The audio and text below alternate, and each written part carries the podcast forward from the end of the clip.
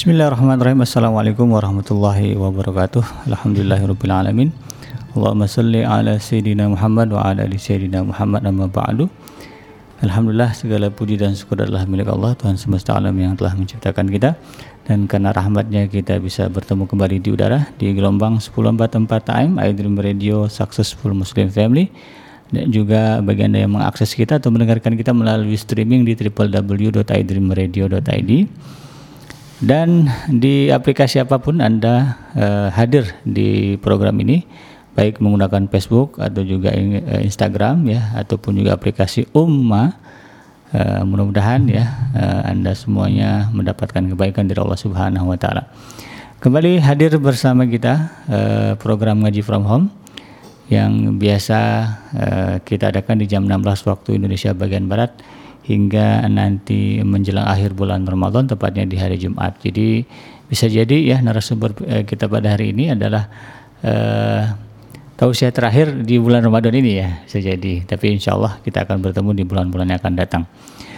Eh, yang jelas untuk hari ini kita akan eh, mendengarkan kajian dan tausiah dari guru kita bersama yaitu Dr. Saiful Bahri LCMA yang akan uh, mengupas tuntas uh, tema kita pada hari ini yaitu menyelami keutamaan surah Al-Mulk. Nah, ini adalah surah yang tidak asing apalagi kita uh, yang apa namanya aware ya dengan zikir-zikir bacaan-bacaan terutama sebelum tidur. Ya mudah-mudahan Anda semua diberikan kelapangan waktu dan juga kekuatan ya untuk stay stay in, stay tune begitu di gelombang 1044 AM dan juga di uh, live streaming melalui channel YouTube kita di uh, channel iDream TV. Mudah-mudahan uh, ini menjadi amal soleh yang Allah akan catat uh, untuk kita yang akan kita jemput pahalanya nanti ketika kita menghadap Allah Subhanahu wa taala. Dan uh, sebelum uh, kita mulai jangan lupa ya untuk memberikan dukungan kepada kami dengan menekan tombol like dan juga subscribe karena itu merupakan dukungan nyata dari Anda bagi kami. Dan bagi Anda yang ingin mendonasikan sebagian hartanya, Anda bisa langsung mentransfer melalui nomor rekening Bank Syariah Mandiri atas nama Khairul Insan Yayasan di nomor 712330776 ya di nomor 712 3307776 insya Allah uh, sedekah Anda atau donasi Anda akan kita manfaatkan sebesar-besarnya untuk berbagai program dakwah yang ada di iDream Radio dan juga di iDream TV dan demikian insya Allah itu jadi amal jariah bagi Anda. Walaupun mungkin Anda uh, sudah berpindah alam ya ke alam yang penuh dengan keabadian. Baik uh, dan bagi Anda yang juga ingin menyalurkan zakatnya masih ada waktu Anda bisa menyalurkan zakat Anda melalui lembaga zakat sukses yang menjadi sponsor kita uh, pada acara ini ya. Uh, mudah-mudahan zakatnya diterima oleh Allah Subhanahu wa taala. Baik, kita akan mendengarkan kajian dan juga uraian ya terkait dengan tema kita pada hari ini dari guru kita Al Ustadz Dr. Saiful Bahri LCMA dalam tema menyelami keutamaan surah Al-Mulk. Setelah Anda mendengarkan dan juga menyimak beberapa pesan-pesan berikut ini. السلام عليكم ورحمة الله وبركاته. وعليكم السلام ورحمة الله وبركاته. بسم الله الرحمن الرحيم. الحمد لله الذي خلق الموت والحياة ليبلوكم أيكم أحسن عملا. اللهم صل وسلم وبارك على سيدنا المصطفى نبينا الكريم محمد صلى الله عليه وسلم وعلى آله وأصحابه ومن اتبع الهدى. أما بعد. صحبة iDream yang berbahagia, kaum muslimin as-saimun, as-saimat di mana pun anda berada, kita sangat layak dan sangat patut untuk bersyukur kepada Allah, Zat yang maha memberi segala kepada kita termasuk peluang membersamai bulan Ramadan hingga menjelang akhir hari ke-26. Kita berdoa mudah-mudahan kebaikan-kebaikan dari peluang-peluang yang Allah berikan kepada kita ini menjadi inspirasi terlahirnya kebaikan berikutnya diterima oleh Allah Subhanahu wa taala sebagai amal baik yang menjadi pemberat timbangan amal kita di hari kiamat nanti.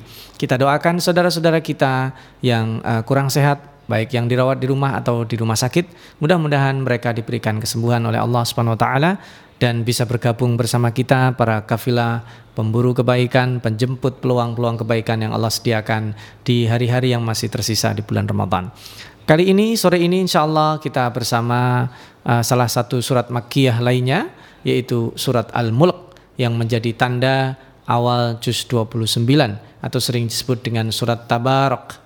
Salah satu surat juga yang sering dibaca oleh Abu Hurairah radhiyallahu anhu sebelum uh, beliau uh, tidur karena beliau diberikan pesan oleh Rasulullah sallallahu alaihi wasallam uh, surat Tabarok ini di dalamnya ada beberapa keutamaan. Ada banyak keutamaan tentu yang bisa kita uh, gali dari surat ini.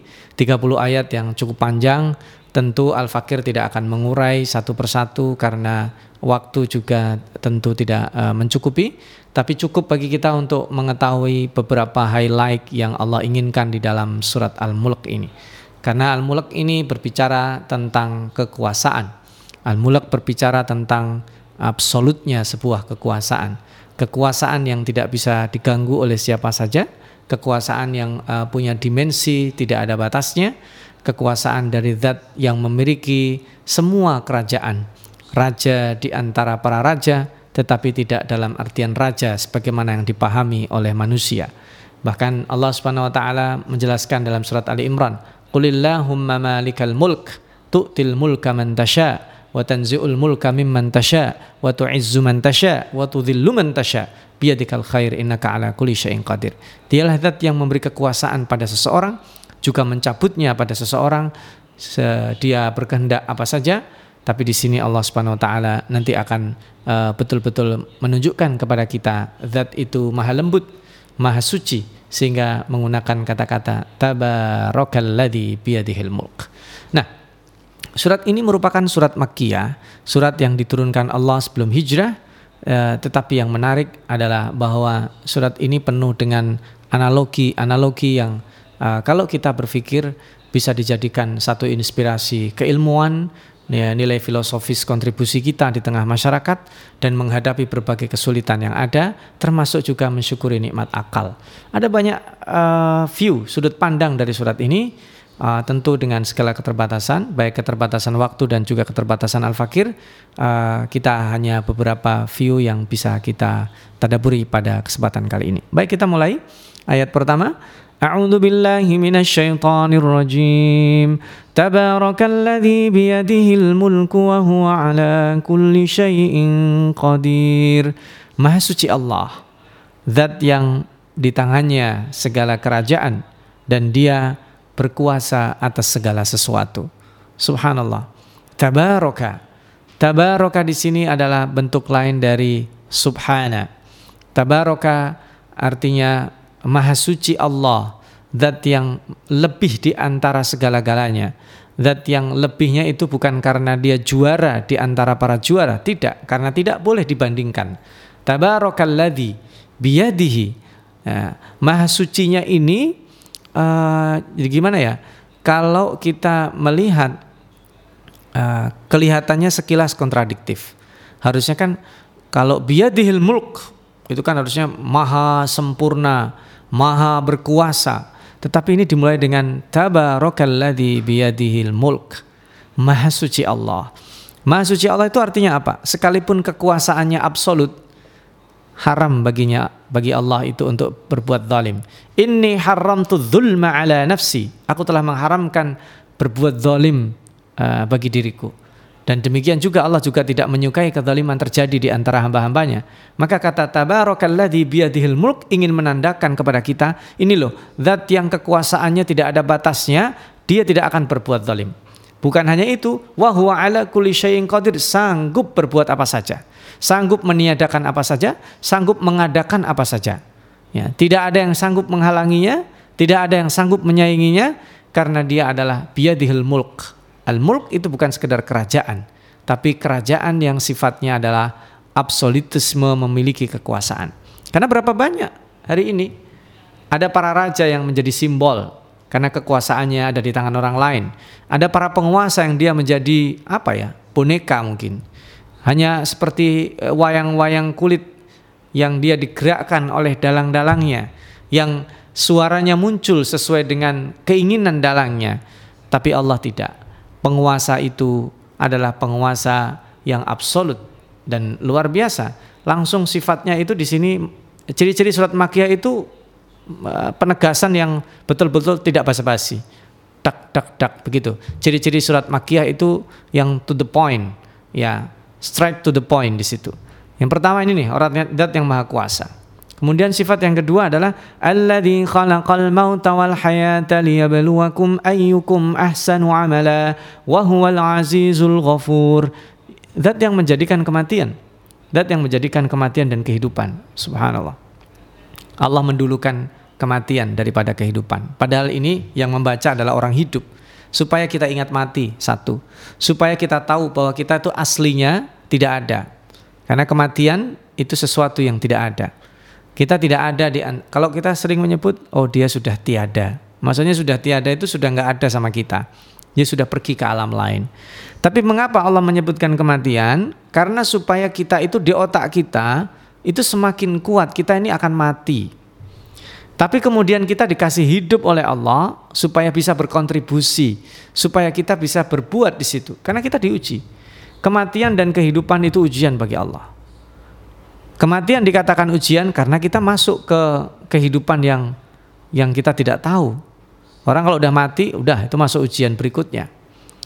Dia ujian berikutnya itu beda dengan ketika masih hidup. Ketika masih hidup, dia mengerjakan ujian, waktunya perbaikan masih ada Makanya Allah ujian tadi itu liyabluwakum ayyukum bukan aktsaru amala tapi ayyukum ahsanu amala. Yang diuji itu kualitasnya.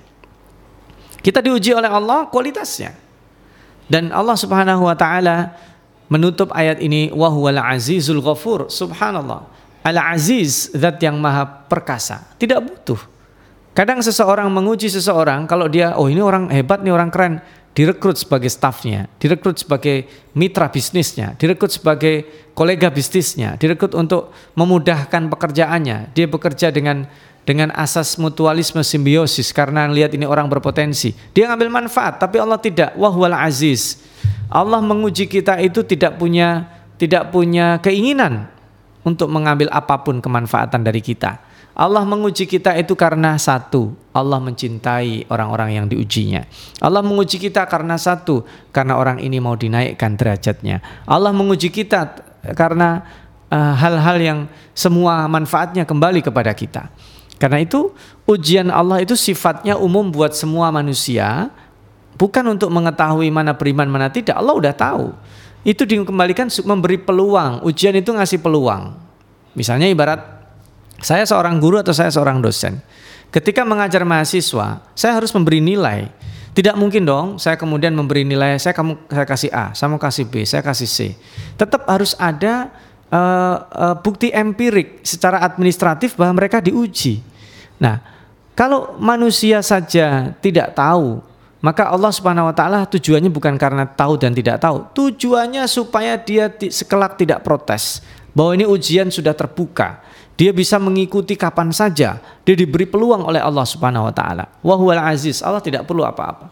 Dan menarik Al-Aziz biasanya di sampingnya Al-Hakim, tapi di sini Al-Aziz di sampingnya adalah Al-Ghafur. Ini ayat yang sangat jarang sekali. Al-Aziz disandingkan dengan Al-Ghafur. Al-Ghafur adalah bentuk superlatif dari ghafirun dan ghafarun. Ghafurun adalah bentuk mentoknya dari kemaha ampunan Allah Subhanahu wa taala yang menyediakan dirinya, zatnya, mengampuni dosa yang besarnya kita bahkan tidak tahu. Dosa biasa, ghafirun. Allah maha pengampun. Dosa berikutnya menengah, ghafarun. Tapi paling banyak disebut di dalam Al-Quran adalah ghafurun. Maha pengampunannya, pengampunan yang, yang di sini bentuk superlatifnya.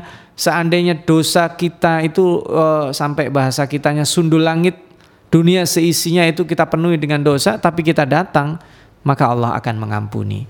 Maka ini maksudnya apa? Dalam ujian tidak mungkin orang nilainya 100, enggak.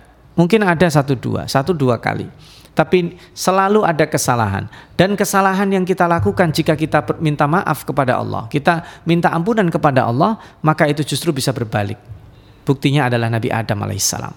Dia melakukan kesalahan. Fa'asa Adamu rabbahu faghawa dalam surat Toha. Bahasanya itu sampai disebut asa dan ghawa. Artinya besar karena kesalahan itu tidak dinilai dari kesalahannya saja. Orang itu siapa yang berbuat salah kepada siapa. Makanya ada istilah hasanatul abrar sayyiatul muqarrabin. Ya, kebaikan bagi seseorang tapi bagi orang lain bisa jadi itu uh, buruk. Ya. Nongkrong-nongkrongnya orang alim bisa jadi menjadi aib. Orang biasa mungkin oke, okay, tapi orang yang alim, orang public figure melakukan itu bisa jadi buruk. Maka Allah memaafkan.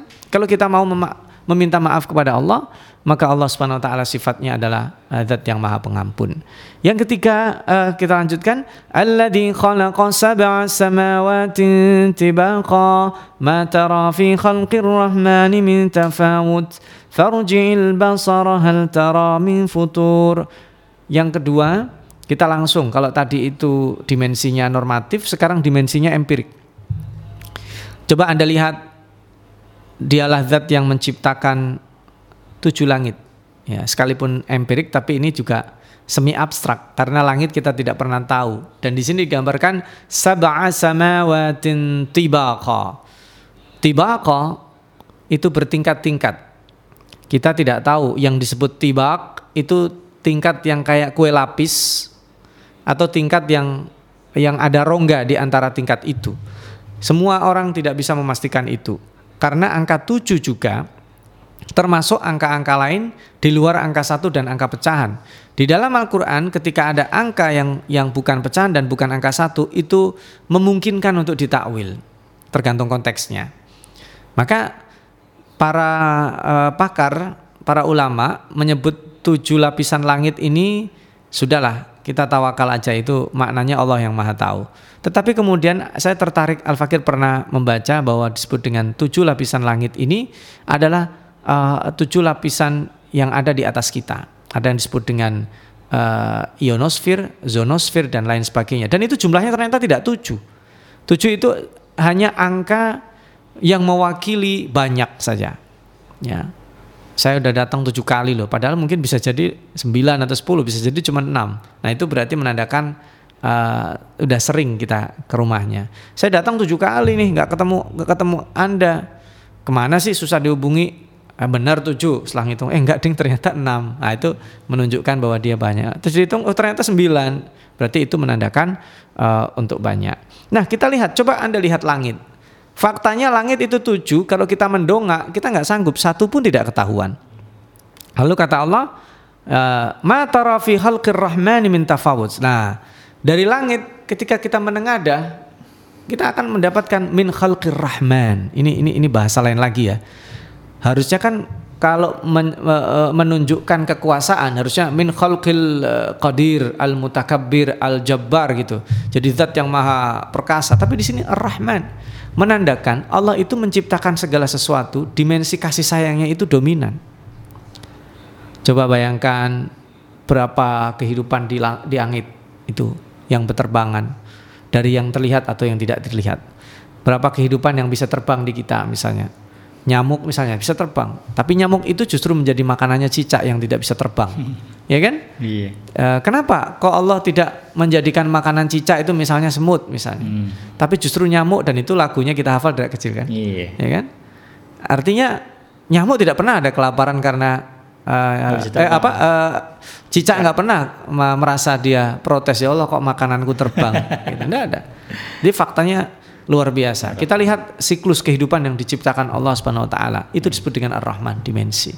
Dimensi kasih sayang. Kita diciptakan Allah dengan penuh kasih sayang. Maka kesulitan yang kita hadapi sesungguhnya adalah untuk menguatkan dan mendidik kita. Hmm. Maka tidak ada yang tafawud. Tafawud itu ada apa ya?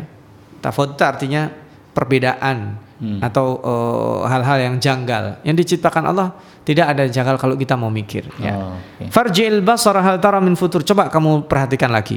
Diulang lagi. Thummarji'il karratain, thummarji'il basara karrataini yang qalib ilaikal basaru khasi'an wa huwasir. Jadi coba kamu lihat perhatikan gunung-gunung, alam yang indah. Kamu pasti bertasbih. Anda pasti bertasbih.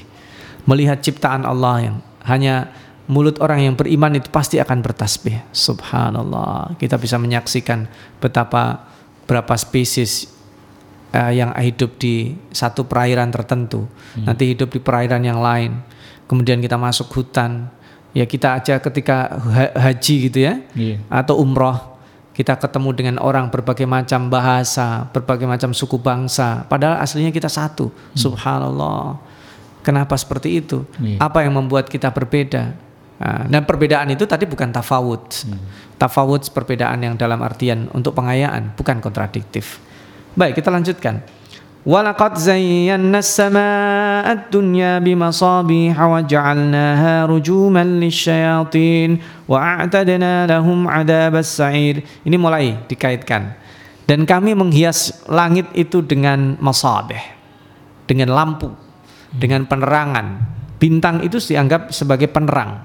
Dan menarik di sini ada Allah sebut wa ja'alnaaha rujuman lisyayatin itu digunakan untuk penyambit setan-setan yang dari kalangan jin yang naik ke atas karena di atas itu dipercaya di salah satu tempat mi'raj di langit itu adalah sebagai tempat uh, stoknya catatan uh, nasib manusia. Hmm. Dan di dalam surat Al-Jin juga ada disebut istaraqas sama. Jadi para jin yang yang bengal itu istilahnya, dia ke langit itu untuk mendengarkan distribusi takdir-takdir untuk manusia. Karena itu kemudian jin-jin yang buruk ini bekerja sama dengan para peramal di dunia. iya. Maka para peramal itu eh, di antaranya ada yang benar juga ketika ngeramal. Iya. Tapi tidak mungkin benar 100% karena kan tadi mencuri-curi. Iya. Nah, mencuri dengar. Nah, eh, silahkan nanti bisa dibaca di dalam surat Al-Jin itu. Istaraqas sama. Jadi makanya ketika mendengar itu dilempar dia dengan dengan eh, bintang-bintang di langit. Ya, istilah perang bintang itu mungkin bisa jadi dari sini. ya. Star Wars. Eh, ya. Dan dan menariknya kalau kita lengkapi di dalam surat Al eh, Al-Waqiah Allah bersumpah dengan bukan bintangnya dengan mawaqi'in nujum. Mawaqi'in nujum itu tempat orbit bintang. Iya. Yang yang dia kalau kita lihat bintangnya udah tidak di situ. Dia udah pergi entah berapa waktu yang lalu. Nanti akan kembali lagi ke situ ke ke durasi waktu tertentu. Jadi luar biasa eh, kalau kita lihat siklusnya muter gini kalau setan atau eh, apa jin yang buruk yang disebut setan itu mau lewat situ dia pasti kena. Iya. Jadi ada yang kena, ada yang enggak tapi nanti ujung-ujungnya dia tidak akan sempurna dalam mendengarkan itu. Nah, ini ada yang menafsirkannya seperti itu apa adanya. Ada yang dikatakan rujuman lisyayatin. Ini eh, bentuk proteksi. Nah, makanya ada yang mengatakan bahwa eh, surga manusia itu di langit. Ya. Nah, tapi itu nanti kita akan bahas semakin panjang kalau lari ke sana. Kita cukupkan sampai di sini ini. Ya, cukup cukup eh, masih banyak sekali yang akan kita eksplorasi. Wa a'tadana lahum adzabas sa'ir dan jin itu nanti akan disiksa karena mereka itu jin-jin yang bengal itu eh, mereka adalah salah satu kadernya iblis yang sekarang masih hidup. Eh, mereka memang eh, berkolaborasi dengan setan dari kalangan manusia eh, untuk menyesatkan manusia dan semua itu nanti akan diadab oleh Allah di neraka sa'ir. Nah, ke pertanyaannya ketika jin terbuat dari api eh, bagaimana dia akan disiksa oleh Allah menggunakan api? Hmm. Nah, kita juga bertanya, kita terbuat dari tanah, tapi ketika dilempar tanah sakit nggak? Kira-kira kurang lebih begitulah. Jadi eh, kita kalau eh, merasa, oh api dibak- dibakar dengan api, ya eh, kita kan dari tanah. Kalau ditimpuk kerajinan benda-benda yang kerajinan dari tanah, Ini sakit nggak? Ketika iya. sakit begitu juga. Kita lihat lampu yang 100 watt didekatkan dengan lampu yang 1000 watt, yang 100 ini bisa jadi pecah. Iya. Nah, itulah eh, eh, kita sehingga oh ternyata yang akan masuk neraka itu bukan hanya manusia, jin-jin yang buruk juga masuk neraka. Itu ya. Adzabu jahannam wa bi'sal masir. Idza ulqu fiha sami'u laha shaqi- shahiqan wa hiya tafur takadu tamayyazu minal ghaid. Kullama ulqiya fiha fawjun sa'alahum khazanatuha alam ya'tikum nadhir. Jadi ini gambaran umum saja, saya nggak menafsirkan detail ya. Jadi orang-orang kafir itu nanti dimasukkan neraka jahanam, mereka disiksa, menggelegak, eh, oh serem. Mereka menggelegak. Cukup kalau bagi yang pernah ikut tadabur surat Al-Fajr ketika belum disiksa saja itu sampel neraka jahanam aja mengerikan. Waji ayauma idzim bi jahannam. Nah, hari ketika manusia dibangkitkan belum diapa-apain aja sudah ada simulasi sampel bagaimana dahsyatnya siksa Allah di neraka jahanam. Maka sesungguhnya ini sangat berat. Maka pada saat mereka masuk, mereka ditanya, "Alam ya'tikum nadhir?" Sa'alahum khazanatuha, "Alam ya'tikum nadhir?" Emang nggak ada yang mengingatkan kamu? Nah, gambaran yang paling jelas itu kita bisa lihat di dalam surat Az-Zumar, sahabat Aidrim. Di dalam surat Az-Zumar itu lebih detail. Ya, wasiqal ladina kafaru ila jahannam zumara hatta idza ja'uha futihat abwabuha wa qala lahum khazanatuha alam ya'tikum. Nah, sama di sini alam ya'tikum. Alam ya'tikum rusulun minkum yatsluna 'alaikum ayati rabbikum wa yundirunakum liqa'a yaumikum hadza. Sama seperti ini. Jadi gambarannya begini. Itu surat Az-Zumar itu kalau kita uh, kita tadaburi merinding ya. Wasiqal ladina kafaru ila jahannam zumara. Mereka itu dibawa ke neraka ber, bergelombang, berkelompok, bergelombang, tidak ada sendiri-sendiri. Uh, apakah mereka naik shuttle bus? Bisa jadi. Ya, apakah mereka naik apa? Ya, mereka berkelompok. Nah, ketika sampai di depan neraka, pintu neraka itu tertutup. Beda dengan surga. Ya, wasiqal ladina taqaw rabbahum ilal jannati zumara hatta idza ja'uha wa futihat abwabuha. Itu cuma beda huruf wawu saja. Nah, ketika penduduk surga sampai itu pintu surga terbuka semua. Jadi kelihatan mereka. Mereka tinggal lihat boarding passnya. Oh, saya masuk pintu dua, saya masuk pintu satu, saya masuk. Oh, boleh satu, boleh dua, boleh tiga. Ada yang boleh mendapatkan boarding pass semua.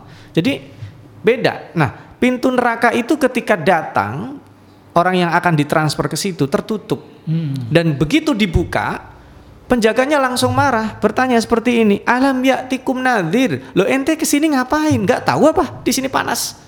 Maka seandainya pintu neraka dibuka, meleleh. Hmm. Makanya dahsyat sekali itu.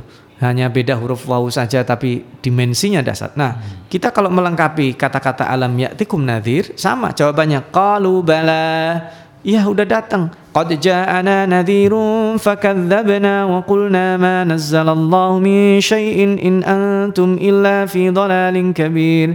Ya, udah datang tapi terlambat ini. Mereka kan sadar, aduh, kamu dulu mah nggak ada yang ngingetin ya. Hmm. Ya, ya ibarat kata orang yang uh, gagal ujian kemudian dia nyesal, loh, dia emang nggak dikasih jadwal ujian, dikasih sih gitu. Jadi penyesalan yang percuma. Iya. Sehingga mereka mengatakan wa qalu law kunna nasma'u aw naqilu ma kunna fi ashabis sa'id. Nah ini dia tadi yang ingin Al-Fakir sampaikan. Di sini dikatakan ya wa qalu law kunna nasma' satu ya. Hmm. Au naqil dua. Mendengar dan berfikir. Di dalam Al-Qur'an tidak ada kata akal dalam bentuk uh, isimnya. Tidak ada kata-kata otak hmm. dalam bentuk alatnya. Akal nggak ada, otak nggak ada. Supaya manusia ini nggak mengkultuskan dua hal ini. Tapi yang ada adalah fungsinya. Hmm. kilun, afala kilun, beda dengan ilmu, ya. Beda dengan kolbu. Itu ada.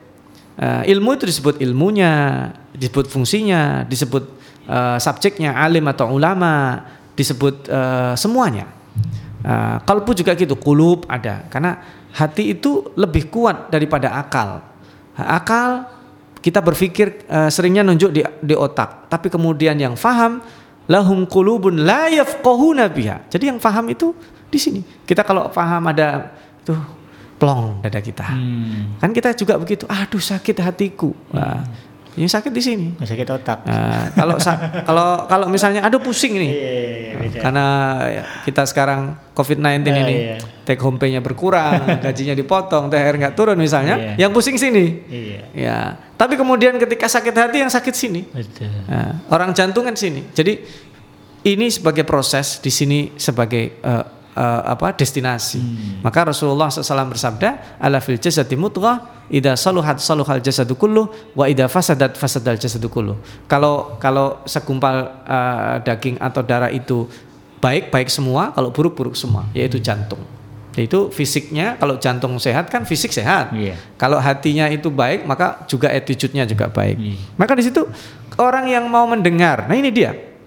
Mendengar nanti ada insya Allah di baliknya ya, mendengar itu yang pertama berfungsi. Pendengaran manusia itu berfungsi pertama kali. Nanti Allah kita akan sebut di di setelahnya insya Allah. Nah, ketika mendengar itu kita mau melakukan dengan seksama, kita bisa berpikir. Tapi faktanya manusia itu jarang mendengar, dia suka ngomong, ngomong-ngomongin gitu. Dia suka didengar, bukan mendengar. Hmm. Coba kalau dia kita diberikan alat Dua, yang paling luar di wajah kita. Mata ini di depan. Telinga yang paling luar. Ini sensor pertama. Mulut kita satu. Semua di dalam. Yang ada di samping ini telinga. Supaya kita mendengar. Dengan mendengar itu kita berpikir. Kalau orang mendengar, dengerinlah ayat ayat Al-Qur'an, dengerinlah peringatan orang-orang itu. Kemudian kita berpikir, kata mereka, makunna fi ashabis sa'ir. Kita nggak akan masuk neraka sa'ir. Maka fa'tarafu bidzambihim mereka itu i'tiraf, ya kami salah. Karena nggak per, percuma mereka nolak. Dan nanti di hari akhirat orang berbuat salah tidak ditanya kenapa. Dalam surat Ar-Rahman ya, fayawma la yus'alu an bihi insun wala jan. Tidak ditanya kenapa kamu nyuri, kenapa kamu begini, kenapa hmm. kamu begini. Karena bukti udah udah di semua semua. Iya. Apa yang mau kita protes? Iya. Bukti udah lengkap, catatan amal udah ada.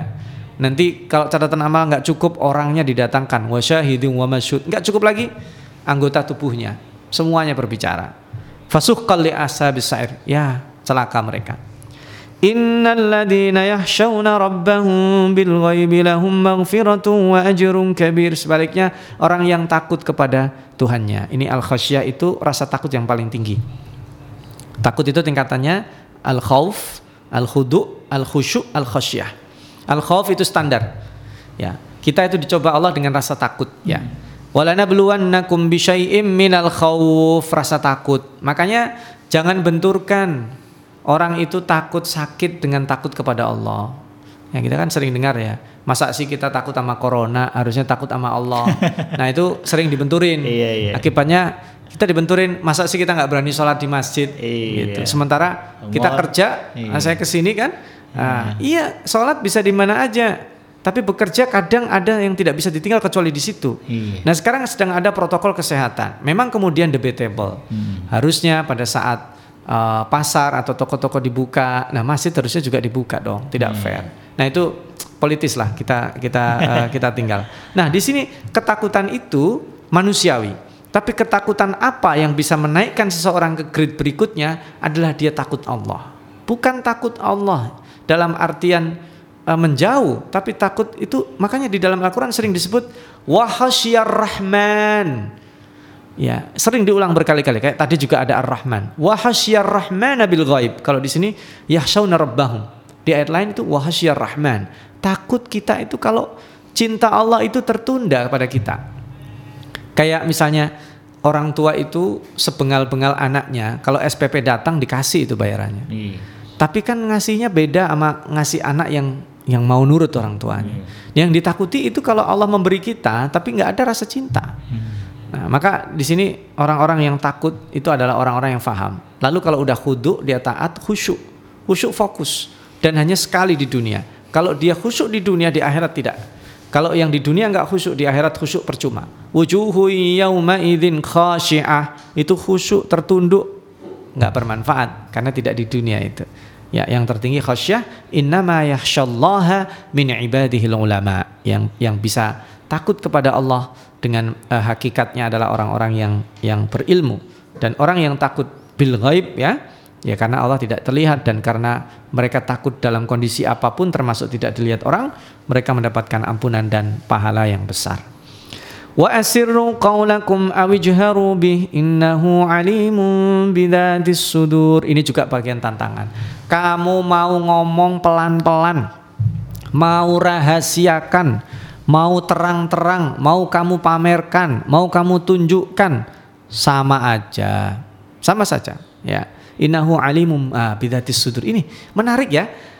Uh, uh, saya mau nyampaikan kepada uh, sahabat iDream bahwa saya ini suka atau benci atau iri atau tidak innahu alimum bidzati sudur. Ada yang di sini. Makanya jangan pernah kita frustasi ketika amal baik kita itu disalahfahami kita niatnya nolong lo kok malah disuruh di, dianggap menghina? Kan kita kadang senyum pada saudara kita. Yeah. tapi saudara kita ini lagi sedang banyak masalah. Yeah. akibatnya ente ngejek saya ya gitu. Padahal senyum kita itu iya, tulus iya, gitu. Ya sudah santai aja, nggak usah dibela. Iya. Ini orang disenyumi aja nggak mau. Saya uh, cemberut aja ah gitu. Enggak. Jadi Allah yang maha tahu hati kita. Apalagi kita ke istri dan suami. Hmm. Nah ini yang yang paling misterius kalau hubungan kita dengan pasangan hidup kita di rumah. Kita harusnya kalau seandainya kita sudah berniat baik, kemudian salah ditafsirkan, ya sudah, karena Allah yang tahu. Kadang kan kita begitu, kita ngasih hadiah orang, diterimakannya salah. Kadang kita melakukan kebaikan, diterimanya salah. Tenang aja, mau kita sembunyikan, mau kita berbuat baik, itu juga Allah tahu. Termasuk ada istilah di dalam salafus saleh itu ada disebut dengan al-khabi'ah. Al-khabi'ah itu adalah amal baik yang kita banggakan kepada Allah, bukan dalam artian sombong kan, karena kita sanggup menyembunyikannya. Nah, al-khabi'ah ini penting untuk kita jadikan senjata rahasia hubungan kita dengan Allah. Ada yang uh, yang kita rahasiakan. Ya Allah, ini saya dan dan dan dan dan kamu saja yang tahu. Dan itu penting. Dan Bani Israel yang tiga tiga pemuda yang pernah melakukan amal ini di saat tertentu mereka itu al-istishfa meminta kepada Allah dilepaskan dari kesulitan dengan tiga amal ini dikabulkan oleh Allah. Hmm. Ya. Ya, kisah tiga pemuda yang terjebak di gua itu loh. Yeah. Iya. Uh, kita pasti kenal itu. Nah, itu mereka punya khabi'ah. Ya Allah, aku punya amal baik yang hanya Engkau tahu. Aku dengan ibuku. Hmm. Aku dengan saudaraku dan aku dengan karyawanku. Dengan kisah yang sangat terkenal. Yeah. Saya tidak perlu mengulanginya. Nah, intinya kita mau sembunyikan tidak ada. Kita mau terang-terangan juga nggak ada. Semuanya Allah mengetahuinya. Ala ya'lamu man khalaqa wa huwal latiful khabir. Ya kita tahu Allah yang menciptakan itu Al-Latif Al-Khabir yang maha lembut dan maha uh, mengetahui. Walladzi ja'ala lakumul arda dhalulan famshu fi manakibiha wa kulu mir rizqi wa ilaihin nusyur. Subhanallah, kita sekarang diajak hidup Nah, kalau tadi diajak uh, melihat sesuatu yang di luar kita, sekarang kita diajak hidup di sekitar kita melihat. Allah lah yang menjadikan bumi itu zalulan. Subhanallah. Apa artinya zalul? Zalul itu artinya cocok. Zalul itu artinya selalu pas. Makanya insya Allah kalau kita yakin bumi ini nggak bakal nggak bakal overload, cukup insya Allah. Ya kalau Jakarta mungkin overload ya uh, penuh mungkin. Tapi kalau bumi ini insya Allah nggak penuh. Yeah. Ya, tinggal kita pandai-pandai saja uh, berinteraksi dengan itu. Zalulan itu subhanallah, zalulan itu ada yang tinggi, ada yang ke dalam, ada yang berair, ada yang tidak, tapi cocok untuk hunian manusia. Itu dengan satu kata itu. Zalulan. Yeah. Subhanallah. Famshu fi manakibiha wa kulu Kamu jalan dan itu menandakan rizki itu harus dicari, bukan ditunggu. Harus dicari. Makanya persepsi kita tentang rizki pertama tempo hari sudah berkali-kali Al Fakir sampaikan harus diperbaiki bukan hanya materi. Yang kedua rizki itu dijemput. Allah udah sediakan tapi nggak langsung dikasih ke kita. Kita harus nyari. Famshu fi manakibiha wa kulu mir rizki. Ambil jadi nggak bisa kita nunggu. Ya kalau saya jatahnya dapat rezeki ya di rumah aja. Enggak, kita harus nyari. Dan ketika kita menjemput hasilnya akan dahsyat sekali. Hmm. Bapak Ibu kaum muslimin muslimat, asaimun asaimat. Teori tentang rizki, apalagi yang rizki itu sangat identik dengan dengan harta. Yeah. Padahal sebenarnya tidak hanya itu. Orang belajar, ya belajar nih. Teorinya dia belajar mungkin 5-10 menit satu jam. Hmm harusnya mendapatkan pengetahuan yang segitu. Ada juga orang yang segitu luar biasa dasarnya. Kenapa? Allah yang kasih. Hmm. Makanya belajar wajib ilmu yang ngasih Allah. Bekerja mencari nafkah misalnya. Hukumnya apa? Sebagai kepala rumah tangga terutama wajib hukumnya. Hmm. Tapi kemudian jangan dikalkulasi. Ah, saya kerjakan cuma jualan apa namanya takjil. Iya. Berapa sih untungnya? Iya. Nggak cukup ya Allah. Mendingan daripada buang senjata, mending saya nggak buang buang tenaga, mending saya nggak usah lah. Iya. Tapi kalau kita keluar, yang memang kita mampunya segitu, bisa jadi Allah kasih itu dilipat-lipatkan di luar hmm. kemampuan kita. Yeah. Sama dengan kita, ya saya ini punya atasan sebagai staf di kantor ya Allah, bukan hanya nggak mau melihat mempromosikan saya, ditindas saya. Hmm Gimana ini? Ya kalau tidak cocok, Anda merasa mengakses sudah bisa, silahkan bisa pindah. Hmm. Tapi kalau kemudian Anda sabar, belum tentu itu peng, uh, atasan yang Anda keluhkan. Jadi keluhkannya sama Allah aja, hmm. gitu. Ya, kita bekerja di sektor jasa. Nah sekarang ini Bukan hanya semua dunia menjerit dan termasuk di negara kita. Hmm. Semua orang berputar. Dia dalam kondisi sulit. Kalau dalam kondisi sulit dia menindas bawahnya terus, bawahnya menindas terus, terus sampai di rumah, maka menjadi lingkaran setan penindasan. Yeah. Tapi kalau berbuat ihsan akan menjadi lingkaran ihsan luar biasa. Maka di sini udah wakulu mirizki makanlah. Kenapa di sini kok makanlah itu loh? Lo gimana Ustaz katanya rizki itu bukan bukan uh, bentuknya materi, tapi wakulu mirizki itu menjadi dominan. Hmm. Ya kan kita sering ya dia cari makannya di situ ya bukan berarti makan, ya. makan doang yeah. enggak ya ya ya saya ke sini cuma buat cari makan doang ya enggak kalau cuma cari makan mah cukup yeah. ya artinya itu yang yang dominan kebutuhan basic need-nya ya sekarang hari ini dalam kondisi serba sulit yang paling utama ya basic need kita makan. ya untuk uh, uh, pangan ya hmm. saya kira itu wa ilaihi tapi ingat kamu makan mau puas-puas, wa ilahi nusur baliknya kepada Allah. Maka tadi kita sudah kembali kita diajarkan puasa. Puasa itu apa? Menahan yang halal. Kita makan secukupnya. Kenapa? Supaya ada margin. Kalau kita kebutuhan kita makan itu lima, begitu dikasih Allah tujuh atau delapan, jangan tiga ini kita habisin kita makan. Tiga ini sebagian di saving, oke okay lah. Tapi jangan di saving semua ada juga tiga itu di antaranya yang dibagikan ke orang. Bisa jadi delapan kita dikasih, kebutuhan kita lima, cukup gitu. Ya nggak kurang, nggak terlalu berlebihan. Satu di saving atau dua di saving, satunya dikasih orang lain. Itulah makna kita berpuasa menahan yang halal itu karena supaya ada empati kepada orang lainnya. Iya. Dan wa ilaihin nusur. Rizki kita itu apa? Rizki kita itu tiga, itu kan terkenal ya. Yang kita makan, dia akan mohon maaf jadi kotoran. hilang jadi darah sebagian ya jadi nutrisi dan sebagian jadi kotoran iya. sisanya ampasnya jadi kotoran hmm. yang kita pakai ya baju alat perabotan yang kita gunakan sehari-hari akan rusak iya. atau kalau kita mati duluan sebelum dia rusak dia diambil orang diwarisi atau dicuri orang dan sebagainya iya. atau hilang dan sebagainya iya. dan satu lagi yang kita sedekahkan yang dua tidak akan menemani kita, hmm. yang satu bersama kita. Wa ilaihin nusyur artinya kita tahu prioritas. Iya. Kamu makan, sayang deh kalau hidup cuma buat makan hmm. gitu. Nah, jadi itu kira-kira. أأمنتم من في السماء أن يخسف بكم الأرض فإذا هي تمور Ini sekarang berbicara tentang kekuasaan. Apakah kita merasa aman?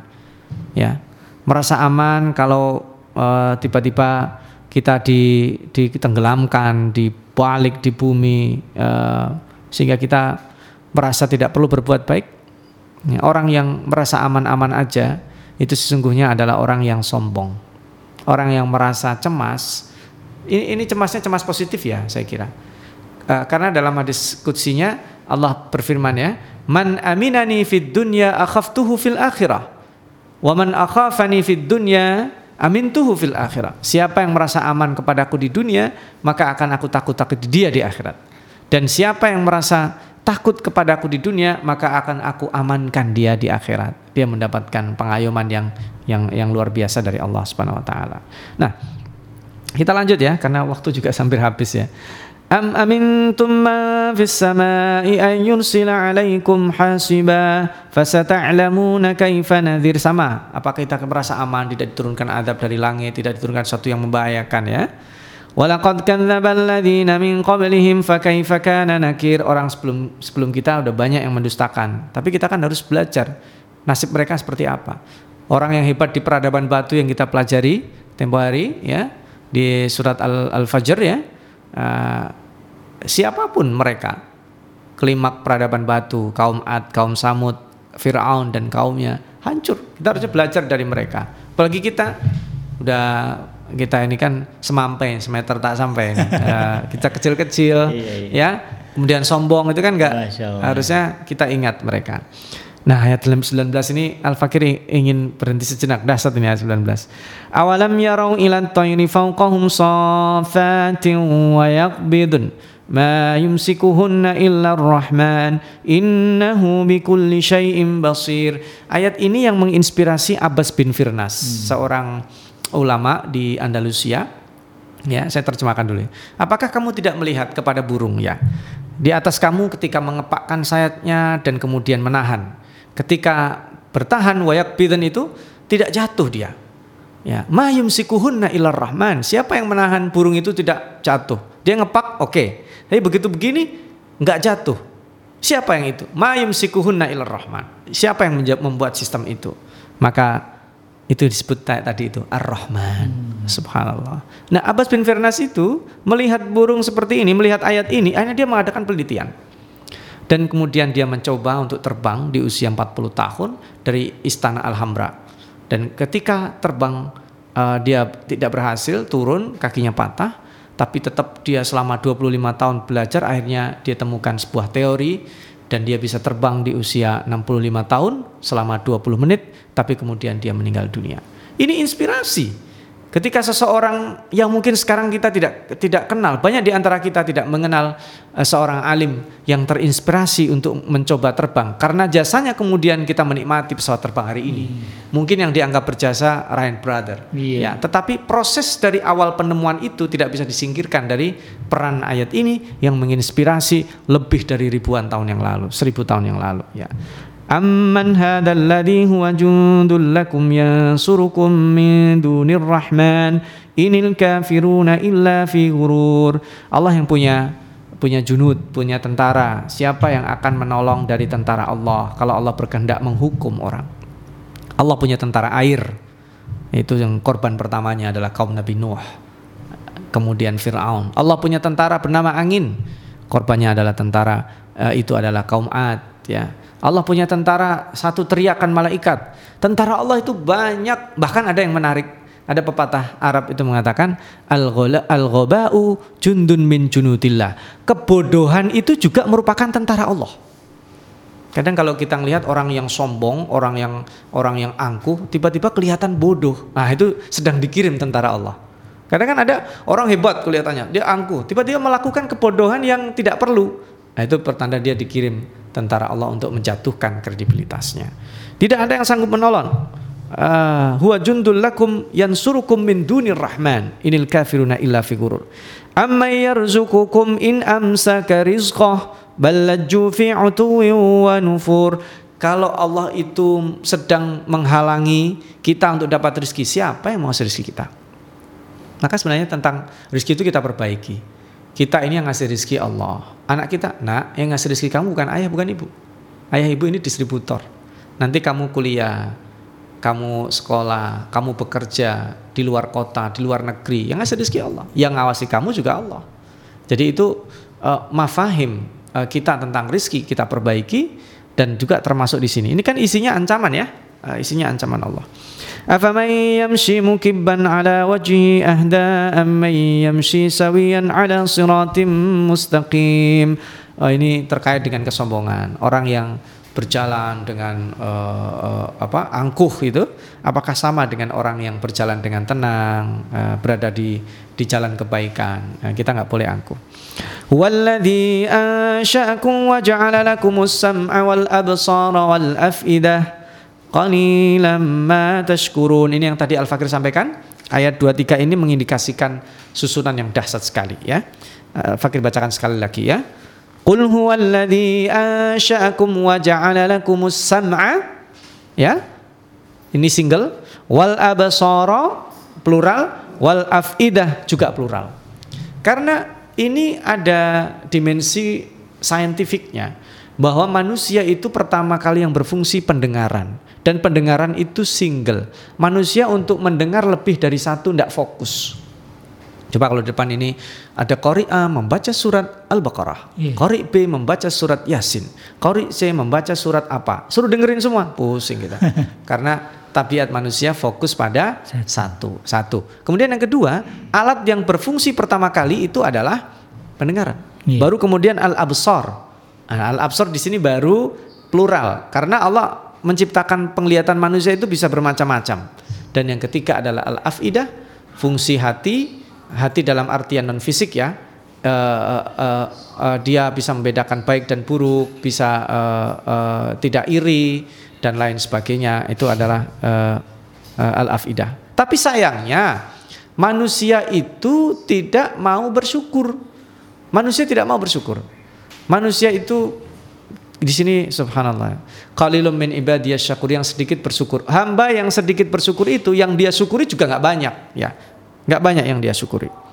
Maka mudah-mudahan kita jadi hamba yang bersyukur ya. Qul huwallazi dhara'akum fil ardi wa ilaihi tuhsyarun wa yaquluna mata hadal wa'du in kuntum sadiqin. Allah Subhanahu wa taala yang menjadikan kita hidup di bumi, menciptakan kita hidup di bumi ini. Maka uh, insya Allah kita akan baik-baik saja. Karena tadi Allah katakan dalulan bumi ini cocok untuk kita. Dan bahkan sekalipun kita dikumpulkan oleh Allah kepadanya kembali kita itu pertama dibangkitkan oleh Allah tidak di mana-mana. Di akhir surat Ibrahim dijelaskan yauma tubaddalul ardu ghairul ard. Hari itu bumi diganti dengan bumi yang lain supaya keperluannya manusia dibangkitkan di hari kiamat itu yang disebut dengan ardul mahsyar itu tidak terjadi di planet lain tapi dijadi, terjadi di bumi yang kita sekarang ada. Tapi mereka sayangnya mereka bertanya, kapan sih kita akan digitukan? Ini pertanyaannya pertanyaan nantang. Kan nyebelin nih kalau ada orang sudah dikasih tahu tapi nantang iya. gitu. Ah, ngeri ya. Qul innamal ilmu indallahi wa innama ana nadhirum mubin. Ya itu kalau kamu tanya kapan dari kiamat itu urusan Allah bukan urusan saya. Katakan Muhammad itu urusan Allah. Wa inna ma ana mubin. Saya cuma mengingatkan kalian. Kalau kita katakan misalnya begini, eh kan Nabi Muhammad pernah kan Ya maksara Quraisy, kalau sekarang aku katakan itu di balik Jabal Abu Qubais ada pasukan yang akan menyerang kalian, percaya nggak kalian? Orang Quraisy langsung menjawab, percaya. Karena beliau dikenal orang baik. Tapi begitu beliau menanyakan, aku ini utusan Allah, itu kemudian pada mencaci, pada memaki termasuk Abu Lahab yang mengatakan tabban ya tabban laka ya Muhammad alihada jama'atana. Maka orang yang tidak menggunakan akalnya dan mendustakan ayat-ayat tadi sangat buruk ya. Ra'awhu zulfatan si'at wujuhul ladina kafaru wa qila hadzal ladzi kuntum bihi tad'un. Tapi kalau udah terjadi mereka menyaksikan penyesalan seperti itu terlambat ya ini loh yang udah dijanjikan kepada kalian, tapi itu terlambat. Qul ara'aytum in ahlakani Allah wa man ma'iya aw rahimana faman yujirul kafirina min adzabin alim. Ketika katakan, kamu ngelihat kalau udah dihancurkan oleh Allah, siapa pun termasuk aku atau nanti diberikan rahmat oleh Allah, itu yang menentukan Allah. Kita dapat rahmat atau kita dapat adab, kita disayangi, itu yang menentukan Allah. Tapi bagi orang yang dihukum Allah, famayujirul kafirin. Siapa yang bisa nyelamatin dari adab yang sangat sangat luar biasa?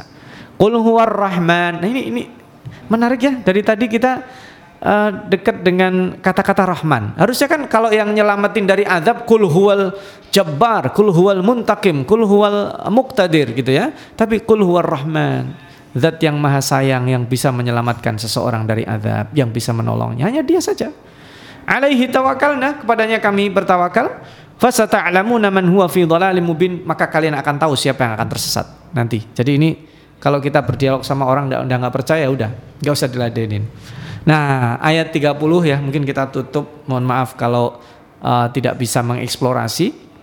Ayat terakhir, Qul ara'aytum in asbaha ma'ukum ghawra faman ya'tikum bima'in ma'in siapa yang akan mendatangkan air ketika air kalian kering. Ini luar biasa. Air itu salah satu kebutuhan pokok manusia. Dan air itu juga tanda kekuasaan Allah ketika uh, uh, Allah menjadikan kalau kita belajar surat An-Naba silakan dirujuk ke sana. Allah mengangkat air-air dari bumi ke atas dan diturunkan dalam bentuk satu jenis air itu nikmat dari Allah. Tapi ketika mereka tidak bersyukur lalu air ditarik oleh Allah dan menjadi kering, famayyatikum bima imma'in. Ini apa hubungannya dengan yang tadi kita bicarakan? Yang hubungannya adalah tentang hajat hidup. Termasuk air ini. Kalau sudah dicabut nikmat oleh Allah, siapa yang memberi? Dan hidayah itu kan seperti air. Ces, perlu hidayah iman dan sebagainya. Sangat luar biasa kalau udah dicabut iman kepada Allah itu sudah terserabut. Kalau cinta tercabut yang tersisa dengki yang tersisa adalah kerusakan maka naudzubillah min dzalik ah, mohon maaf uh, Al Fakir tidak bisa mengeksplorasi karena keterbatasan waktu tentunya, uh, tetapi mudah-mudahan uh, sedikit dari yang tadi kita diskusikan bisa menjadi bahan uh, beberapa uh, saat untuk kita bisa berdialog dan lebih penting dari itu kita lanjutkan tadabur mandiri dan kita bisa mengamalkannya. Mohon maaf atas segala kekurangan dan keterbatasan serta kekhilafan sekali lagi sahabat iDream. Saya kembalikan kepada Ustaz Abi Kenji. Wassalamualaikum warahmatullahi wabarakatuh. Waalaikumsalam warahmatullahi wabarakatuh. Alhamdulillahirobbilalamin. Uh, kita baru saja mendengarkan uh, tausiah dan kajian yang sungguh luar biasa tentang uh, kedahsyatan surah Al-Mulk yang memang uh, ini adalah sebuah apa namanya ya, sebuah surat yang uh, familiar ya dengan kita. Baik sahabat dan sekalian yang dirahmati Allah Subhanahu wa taala, uh, bagi Anda yang ingin bertanya kepada guru kita terkait dengan tema kita pada hari ini yaitu menyelami keutamaan surah Al-Mulk, Anda bisa bertanya ke nomor rekening eh ke nomor rekening. Ke nomor WhatsApp. Waduh ya. Biasa nih puasa. Di 08229 triple ya. Dan bagi Anda yang ingin mendonasikan hartanya silakan ke nomor rekening Bank Syariah Mandiri 712 3307 dan uh, tidak lupa sebelum lanjut ya, tekan tombol like-nya dan juga subscribe. Uh, itu merupakan dukungan yang nyata dari Anda bagi kami untuk meningkatkan kualitas berbagai program dan siaran yang ada di iDream Radio. Dan tidak lupa saya ingatkan, uh, karena situasi lebaran hari ini adalah situasi yang sangat berbeda, untuk itu kami dari iDream Radio mengajak uh, segenap uh, pendengar setia iDream Radio di mana pun Anda berada, dan juga peng, apa, uh, penyimak atau pengikut setia atau viewer dari channel iDream TV untuk mengirimkan uh, video atau juga uh, pesan suara kepada kami yang nanti akan kami tayangkan di radio dan juga di channel YouTube kami. Uh, ucapan selamat Hari Raya Idul Fitri ya, karena memang uh, ini bagian dari syiar ya. Formatnya sebutkan nama dan domisili, kemudian ucapan selamat hari raya ditujukan kepada siapa. Lalu kemudian tidak lupa uh, menyebutkan kesan dan pes, uh, harapan ya untuk uh, kami di iDream Radio dan juga di iDream TV. Mudah-mudahan ini juga menjadi amal jariah karena kita uh, apa namanya mensyiarkan ya uh, Hari Raya Idul Fitri di, di dalam situasi yang berbeda itu situasi pandemi. Baik Ustadz, ini sudah ada penanya di channel YouTube kita atas pertanyaan dari Ibu Ratna Kartika Ustadz di Jerman. Assalamualaikum Ustadz, surah Al-Muluk ini baiknya dibaca sebelum tidur atau boleh setelah sholat isya. Nah, gimana Ustaz? Ya, Bismillahirrahmanirrahim. Sebenarnya secara umum dibaca kapan saja baik, cuman hmm. uh, Abu Hurairah itu memang termotivasi sehingga dia ingin uh, dekat dengan surat ini dan dia bacanya sebelum tidur dan diberikan bushro bahwa nanti akan ditemani bacaan Al-Quran yang paling sering dia baca akan menemani dia. Yeah. Jadi sebenarnya ini motivasi saja. Dibaca pada Isa juga bagus, apalagi kalau dibacanya di waktu malam, hmm. karena waktu malam seperti yang kita tadaburi surat di akhir surat Al-Muzammil ayat 30 itu waktu yang sangat istimewa untuk membaca Al-Quran. Jadi kapan saja ibu bisa dibaca sebelum tidur atau ketika bis sholat uh, Isya langsung kita membacanya juga boleh. Itu saya kira. Baik. Demikian ibu ya. Jadi bisa uh, secara umum di kapan saja bagus ya. Cuman uh, berbicara keutamaan ya ada sahabat yang membacanya. Nah, tadi yang saya sebutkan. Mudah-mudahan bisa dipahami dan bisa diaplikasikan dalam kehidupan sehari-hari. Baik Ustaz, kita lanjutkan ke pertanyaan berikutnya dari hamba Allah Ustaz. Mohon bertanya Ustaz dan penjelasannya terkait dengan kenapa di dalam Al-Quran atau apa hikmah uh, yang bisa kita dapatkan dari disebutkannya nama-nama tokoh dan ada pula tokoh-tokoh yang tidak disebutkan namanya di dalam Al-Quran. Nah, silakan Ustaz. Ya, secara umum yang paling dominan tokoh yang disebut di dalam Al-Quran adalah uh, para nabi, hmm. ya. Dan uh, selain para nabi, tokoh itu uh, tidak dominan karena Al-Quran ini bukan buku sejarah, bukan peristiwa, yeah. uh, bukan kumpulan dari kejadian, tetapi yang diambil adalah pelajarannya atau hikmahnya. Tetapi yang luar biasa Al-Quran itu runutannya kalau kita mau ingat lihat ritmenya, Al-Quran mengajarkan takwa. Itu biasanya nanti Allah mencintai orang yang bertakwa. Nah, setelah itu contohnya. Allah tidak menyukai kedoliman. Ada konsep kedoliman, Allah tidak suka, nanti biasanya ada disebutkan. Yeah. Nah umumnya eh, terkait dengan dengan kebaikan, Allah itu viral, viralkan secara personal supaya bisa ditiru. Hmm. Ada juga yang yang komunal. Personal itu supaya bisa definitif. terkait dengan keburukan Allah itu biasanya sebutkan secara umum ya kaum Ad kaum Ad itu siapa aja nggak disebut Iya. Nah, kaum Samud ya termasuk eh, beda dengan Fir'aun dan Fir'aun pun tidak disebut karena Fir'aun itu adalah eh, bukan nama Fir'aun itu gelar Iya raja ya. Uh, Fir'aun itu kalau di kita raja Hmm. atau di tempat lain sultan, tempat lain ini uh, dan lain sebagainya atau khalifah atau uh, apa namanya kaisar dan sebagainya. Dia dia uh, sebagai uh, sebutan saja penguasa Mesir pada waktu itu. Jadi memang hikmahnya keburukan itu uh, tidak secara eksplisit disebut oleh Allah uh, kecuali sedikit sekali. Yang disebutkan adalah dominan kebaikan. Nah, hikmahnya eh, tidak banyak disebut karena supaya kita belajar pada kontennya, bukan bukan kepada eh, tokohnya. Karena tokoh itu hanya eh, transmisi contohnya untuk ditiru. Hmm. Bahkan nama Nabi Muhammad pun kalau kita cari hanya empat kali. Iya. Ya, ah, dengan Ahmad jadi lima kali. Tapi kisahnya ada di sepanjang eh, surat dalam Al-Quran. Saya kira itu. Allah. Kalau dalam itu eh, tadi kan eh, yang buruk-buruk tidak disebut nama gitu. Ya. Tapi ada juga seperti surah eh, dalam surah Al Imran. Nah, Ya. Istrinya Imran ini kan tokoh sentral juga tuh eh, disebutkan bagaimana kesalehan dia. Tetapi kenapa namanya tidak disebut di dalam Al-Qur'an Ustaz? Ya, eh, tokoh-tokoh yang tidak disebutkan di dalam Al-Quran bukan berarti tidak penting, Hmm. karena orang ingin menyedikitkan. Allah ingin menyedikitkan kita. Pertama mengkultuskan orang, Iya. yang kedua terlalu banyak penyebutan akan khawatirnya jadi rancu. Nah terkait dengan perempuan, perempuan yang paling spesial disebut di dalam Al-Quran hanya Maryam saja. Hmm. Di luar Maryam tidak disebut. Iya. Ya, nah itu eh, padahal ada Ad- Nabi Adam istrinya ya Iya. ya. Hawa. Kemudian ada eh, istrinya Ibrahim, Betul. kemudian ada eh, istrinya kalau istri Nabi Nuh, Nabi Lut kan yang buruk ya. Iya, iya. Ada eh, istrinya eh, apa ibunya Nabi Musa. Iya. Kemudian ada istri Imran, istri Zakaria. Itu tidak disebutkan namanya. Iya. Karena eh, bukan Al-Qur'an ingin menyembunyikan perempuan tidak, karena konteksnya adalah bahwa pada konteks Al-Qur'an memuliakan perempuan Hmm. dan karena kadang perempuan itu juga lebih lebih apa ya? Eh, tidak suka menonjolkan diri. Kalau dari adatnya itu eh, beda. Iya, iya. Beda Pemalu, dengan malu ya. lebih pemalu. Iya. Ka- kurang lebih begitulah. Eh, Hikmahnya masih banyak sih, tapi itu Iya. tema yang lain saya kira. Iya. Allah alam itu. Oke, baik. Mudah-mudahan bisa memuaskan pertanyaan dari eh, sahabat kita ya, hamba Allah katanya. Baik Ustaz, kita lanjutkan ke pertanyaan berikutnya. Ini dari akun atas nama Trio Hanifah. Tanya Ustaz, eh, tadi disebutkan jin yang curi dengar adalah anak buah iblis. Nah, terus jin yang bekerja eh, sama dengan manusia, apa juga anak buah iblis Ustaz? Nah, silakan Ustaz. Mau tahu detail mungkin ya. Ya, jadi begini. Wallahu alam dari literatur al-fakir yang dibaca tentu terbatas ya. Bahwa iblis itu kana minal jinni di dalam surat al-kahfi dijelaskan ya. Ah, iblis itu termasuk dari golongan jin. Tetapi keistimewaan iblis adalah bahwa dia sampai detik ini tidak mati.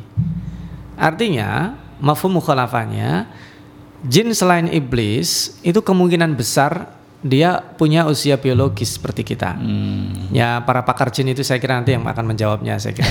Uh, dia ada usia biologisnya. Usia Iya. biologisnya tidak sama dengan kita. Ada yang sampai 200 300 tahun, tapi dia mati juga, dia sakit juga. Hmm. Gitu. Tapi itu alam gaib dan kita tidak tidak punya ditaklif untuk mengetahui itu. Cukup kita menghormati mereka saja. Tidak istinja dengan menggunakan tulang ya. Iya. Tidak buang air kecil di air yang mengenang karena itu tempat tinggal mereka. Tulang juga makanan mereka.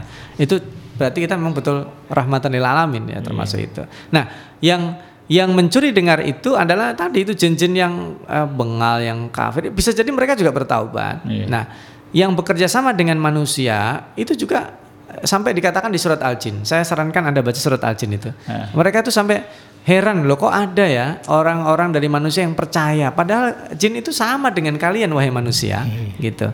Bahwa mereka tidak bisa mendatangkan bahaya. Kalaupun mereka sedikit tahu karena nah satu bukti terakhir saya saya kasih kunci sederhana aja. Nabi Sulaiman ketika wafat itu dalam posisi beliau duduk dan tongkat di tangannya. Hmm. Dan itu jin yang tadinya bekerja itu takut sama Nabi Sulaiman itu tidak tahu kalau Nabi Sulaiman udah mati.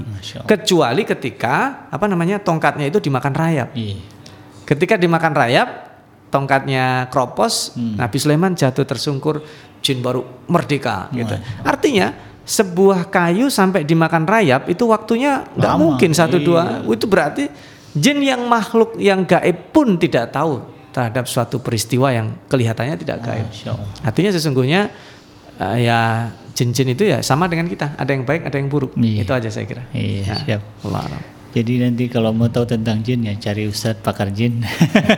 Surat Al-Jin bisa juga dibaca ya, nanti. atau surah al-jin eh, bisa ditadaburi insya Allah. atau mungkin nanti kita cari ya sesi di iDream Radio mengundang ustadz kita Dr. Saiful Bahri untuk membahas surah al-jin. Pasti seru ini ya. Nah, baik eh, kita lanjut Ustadz ini ada pertanyaan lagi dari bukan pertanyaan ini permohonan Ustadz dari akun atas nama Hikmah Nafia, Ustadz mohon eh, ditegaskan kembali eh, perintah Allah di dalam empat ayat terakhir dalam surah Al-Mulk. Ya. Empat ayat terakhir berarti dari kalau dari tadi ini perintahnya banyak nih. Kul Iya. kul itu kan uh, sul talqin. Kalau dari empat ayat berarti dari 26 ya. Iya. Dari 26 itu untuk menjawab orang yang ragu Oke. tentang hari kiamat. Kalau kita ditanya kiamat tuh kapan? Hmm. Ya jangankan kita kul innamal ilmu indallah. Kalau ada orang mengatakan kiamat tuh tanggal sekian sekian sekian bodong. Jangankan dia Nabi Muhammad aja kagak tahu. Iya, hoax ya. ya, bodong. Dengan cocokologi gitu ya Iya, iya, misalnya. iya, iya. Pasti nggak, nggak mungkin. Nabi Muhammad aja nggak tahu. Itu satu. Yang kedua, kul di ayat 28, kul aro'aitum. Nah ini begini, Allah itu maha kuasa seperti di ayat satu tadi. Kul aro'aitum, cobalah kamu lihat. Siapa yang kalau Allah itu menyiksa aku, ini ini ini kan kalau dibayangkan masa sih Allah nyiksa utusannya? Iya. Dan ini kan begini, Allah itu mau ngupah aku atau tidak, nyiksa aku atau atau memberi rahmat pada aku, tidak ada yang bisa menghalangi. Hmm. Gitu. Jadi itu berarti menandakan bahwa keabsolutan itu di tangan Allah. Maka mohon mohon izin, mohon maaf. Kalau kita ngelihat orang bermaksiat, jangan merasa kita lebih baik dari dia. Dakwahi aja. Kalau misalnya pernah Sasyaroi ditanyakan, saya hukumnya orang tidak sholat apa? Hukumnya adalah kamu ajak dia sholat, kamu dakwahi sholat. Jadi eh, daripada kita menyesatkan orang, mendingan ajak dia. Karena pada posisi kita pun kita tidak tahu. Kalau kita masuk surga itu juga rahmatnya, masuk neraka itu juga adabnya. Maka dikatakan langsung, "Famayujirul kafirin." Siapa yang akan menolong orang kafir itu? Orang yang tidak tahu syukur, dikasih nabi yang baik, dikasih Al-Qur'an, nggak mau. Ya kayak Daraballahu mathalan lil ladzina kafarum ra'ata nuhim wa imra'ata Lut. Suaminya orang baik dia nggak bersyukur. Itu kan gedek kita. Betul. Ya, nah kira-kira begitu. Itu yang kedua. Yang ketiga, Qul huwar rahman. Katakan yang menolong itu ar-Rahman. Ini tadi sudah ditegaskan ya. Iya. Jadi zat yang yang maha adil, yang maha punya kekuasaan, itu bayangan kita sadis. Bayangan kita akan semena-mena. Enggak. Qul huwar rahman. Itu zat yang memberi kita. Kita itu tadi pagi masih bisa sahur alhamdulillah. Yang nggak puasa bisa sarapan. Jadi taat nggak taat, lalai nggak lalai, maksiat atau berbuat baik dikasih sama Allah. Itu Ar-Rahman. Hmm. Hambanya semua makhluknya dikasih. Nah, maka aman nabihi alaihi tawakkalna. Dan yang terakhir, terakhir itu terkait dengan kepercayaan kita. Siapa yang akan mendatangkan air kalau Allah murka? Disedot semua air ini, dihabisin semua air. Atau sebaliknya, kalau Allah keluarkan semua air, siapa yang akan menghalangi? Ya, kalau misalnya kita di Depok ini ngirim ke Jakarta, mau hebat-hebatnya orang Jakarta dikirimi air ya kena. Apalagi kalau Katulampa sudah. Iya, nah, iya. itu saja baru baru kecil gitu. Kalau Allah kasih air siapa yang bisa menghalangi? Kalau Allah sedot air siapa yang akan mendatangkan air bersih? Betul. Di sini kan mayyatikum bima'im. Ini intinya adalah kul kul tadi jawabannya satu aja. Kul Allah hari kiamat Allah. Katakan kul itu di situ siapa yang akan menolong? Juga Allah. Kul yang akan mendatangkan air juga Allah. Semuanya kembali pada satu kata yang nomor satu tadi. Tabarakalladzi biyadihil mulk. Saya kira itu. Allah alam. Oke, siap. Ini ada pertanyaan terakhir Ustaz dari hamba Allah juga. Ustaz mohon penjelasan apakah betul fadilah-fadilah yang biasa disebutkan para ustaz terkait dengan surah Al-Mulk eh, di antara dalam melancarkan rezeki. Silakan Ustaz. Eh, secara spesifik bahwa satu surat tertentu mendatangkan rizki Hmm. itu eh, bisa jadi hadis itu dikuatkan dengan yang lain. Tetapi sebaiknya kita tidak eh, mendapatkan keyakinan bahwa dengan semakin sering saya baca surat Tabarok ini rizki saya tambah banyak. Iya. Nah, tapi bahwa kemudian mulazamah saya baca surat eh, Tabarok sebagaimana juga sebagian umat Islam baca surat Yasin itu tidak ada masalah karena itu menjadikan wirid ya. Iya. Kalau- kita saya suka sekali surat Tabarok ini. Saya tiap hari nggak pernah nggak baca. Bagus nggak ada masalah. Iya. tapi motivasi saya supaya dapat rizki ah itu rizki apa dulu? Kalau motivasi supaya saya dapat rizki yang paling tinggi adalah supaya diridhoi Allah it's okay. Hmm. tapi supaya dapat rizki oh saya nggak kaya kaya Ustaz sudah sudah dua tahun ini. Nah itu lain lagi. Iya. artinya persepsi tentang rizki perlu diperbaiki. Diluruskan, ya. dan fadilah surat-surat di dalam Al-Quran itu bervariasi. Dari yang paling sahih sampai ada yang hasan ada yang dhaif. Memang ini tidak terkait dengan dengan pengamalan sehingga sekalipun dhaif pun kadang boleh digunakan karena untuk fadail yang memicu supaya kita baca Al-Qur'an. Uh, saya berbeda pendapat di sini dengan beberapa orang yang mengatakan bahwa uh, dhaif udah buang aja karena belum bisa jadi perspektif dhaif itu seperti apa. Ini saya kira di pertemuan yang lalu saya juga sudah Iya, Ustaz. menjelaskan itu. Saya kira itu mudah-mudahan uh, uh, keterbatasan waktu dan juga keterbatasan al-faktir tidak mengganggu dahsyatnya surat Al-Mulk untuk ditadaburi secara mandiri. Silakan sahabat iDream Bapak Ibu untuk melanjutkannya dan kalau ingin meniru Abu Hurairah tadi sebelum tidur bacalah surat Al-Mulk. Insya Allah Allah akan menjadikan teman kita pada saat kita dipanggil oleh Allah berpindah alam ke dunia lain. Itu saja. Mohon maaf ke atas segala kehilafan dan keterbatasan. Wa khairan. Wassalamualaikum warahmatullahi wabarakatuh. Waalaikumsalam warahmatullahi wabarakatuh. Alhamdulillah tuntas sudah eh, uraian dan juga kajian dari guru kita yang mulia Al Ustaz Dr. Saiful Bahri LCMA Eh, tentang tema kita pada hari ini itu menyelami eh, keutamaan surah Al. Mudah-mudahan apa yang beliau terangkan bisa kita pahami dengan baik dan bisa kita aplikasikan, kita amalkan dalam kehidupan kita sehari-hari. Amin ya rabbal alamin. Terima kasih atas berbagai support dan dukungan Anda terkait dengan eh, majelis ngaji from home. Insya Allah kita akan hadir terus ya sampai akhir bulan Ramadan di jam 10 dan juga di jam 16 waktu Indonesia bagian Barat. Eh, saya Bikaji beserta kru yang bertugas memohon dibukakan pintu maaf yang sebesar-besarnya atas segala kehil- kehilapan dan kalfaan. Dan saya tutup dengan eh, eh, bacaan hamdalah alhamdulillahirabbil serta doa eh, penutup majelis subhanakallahumma rabbana wa bihamdika asyhadu an la ilaha illa anta astaghfiruka wa atubu ilaik billahi taufiq wal hidayah. Wassalamualaikum warahmatullahi wabarakatuh.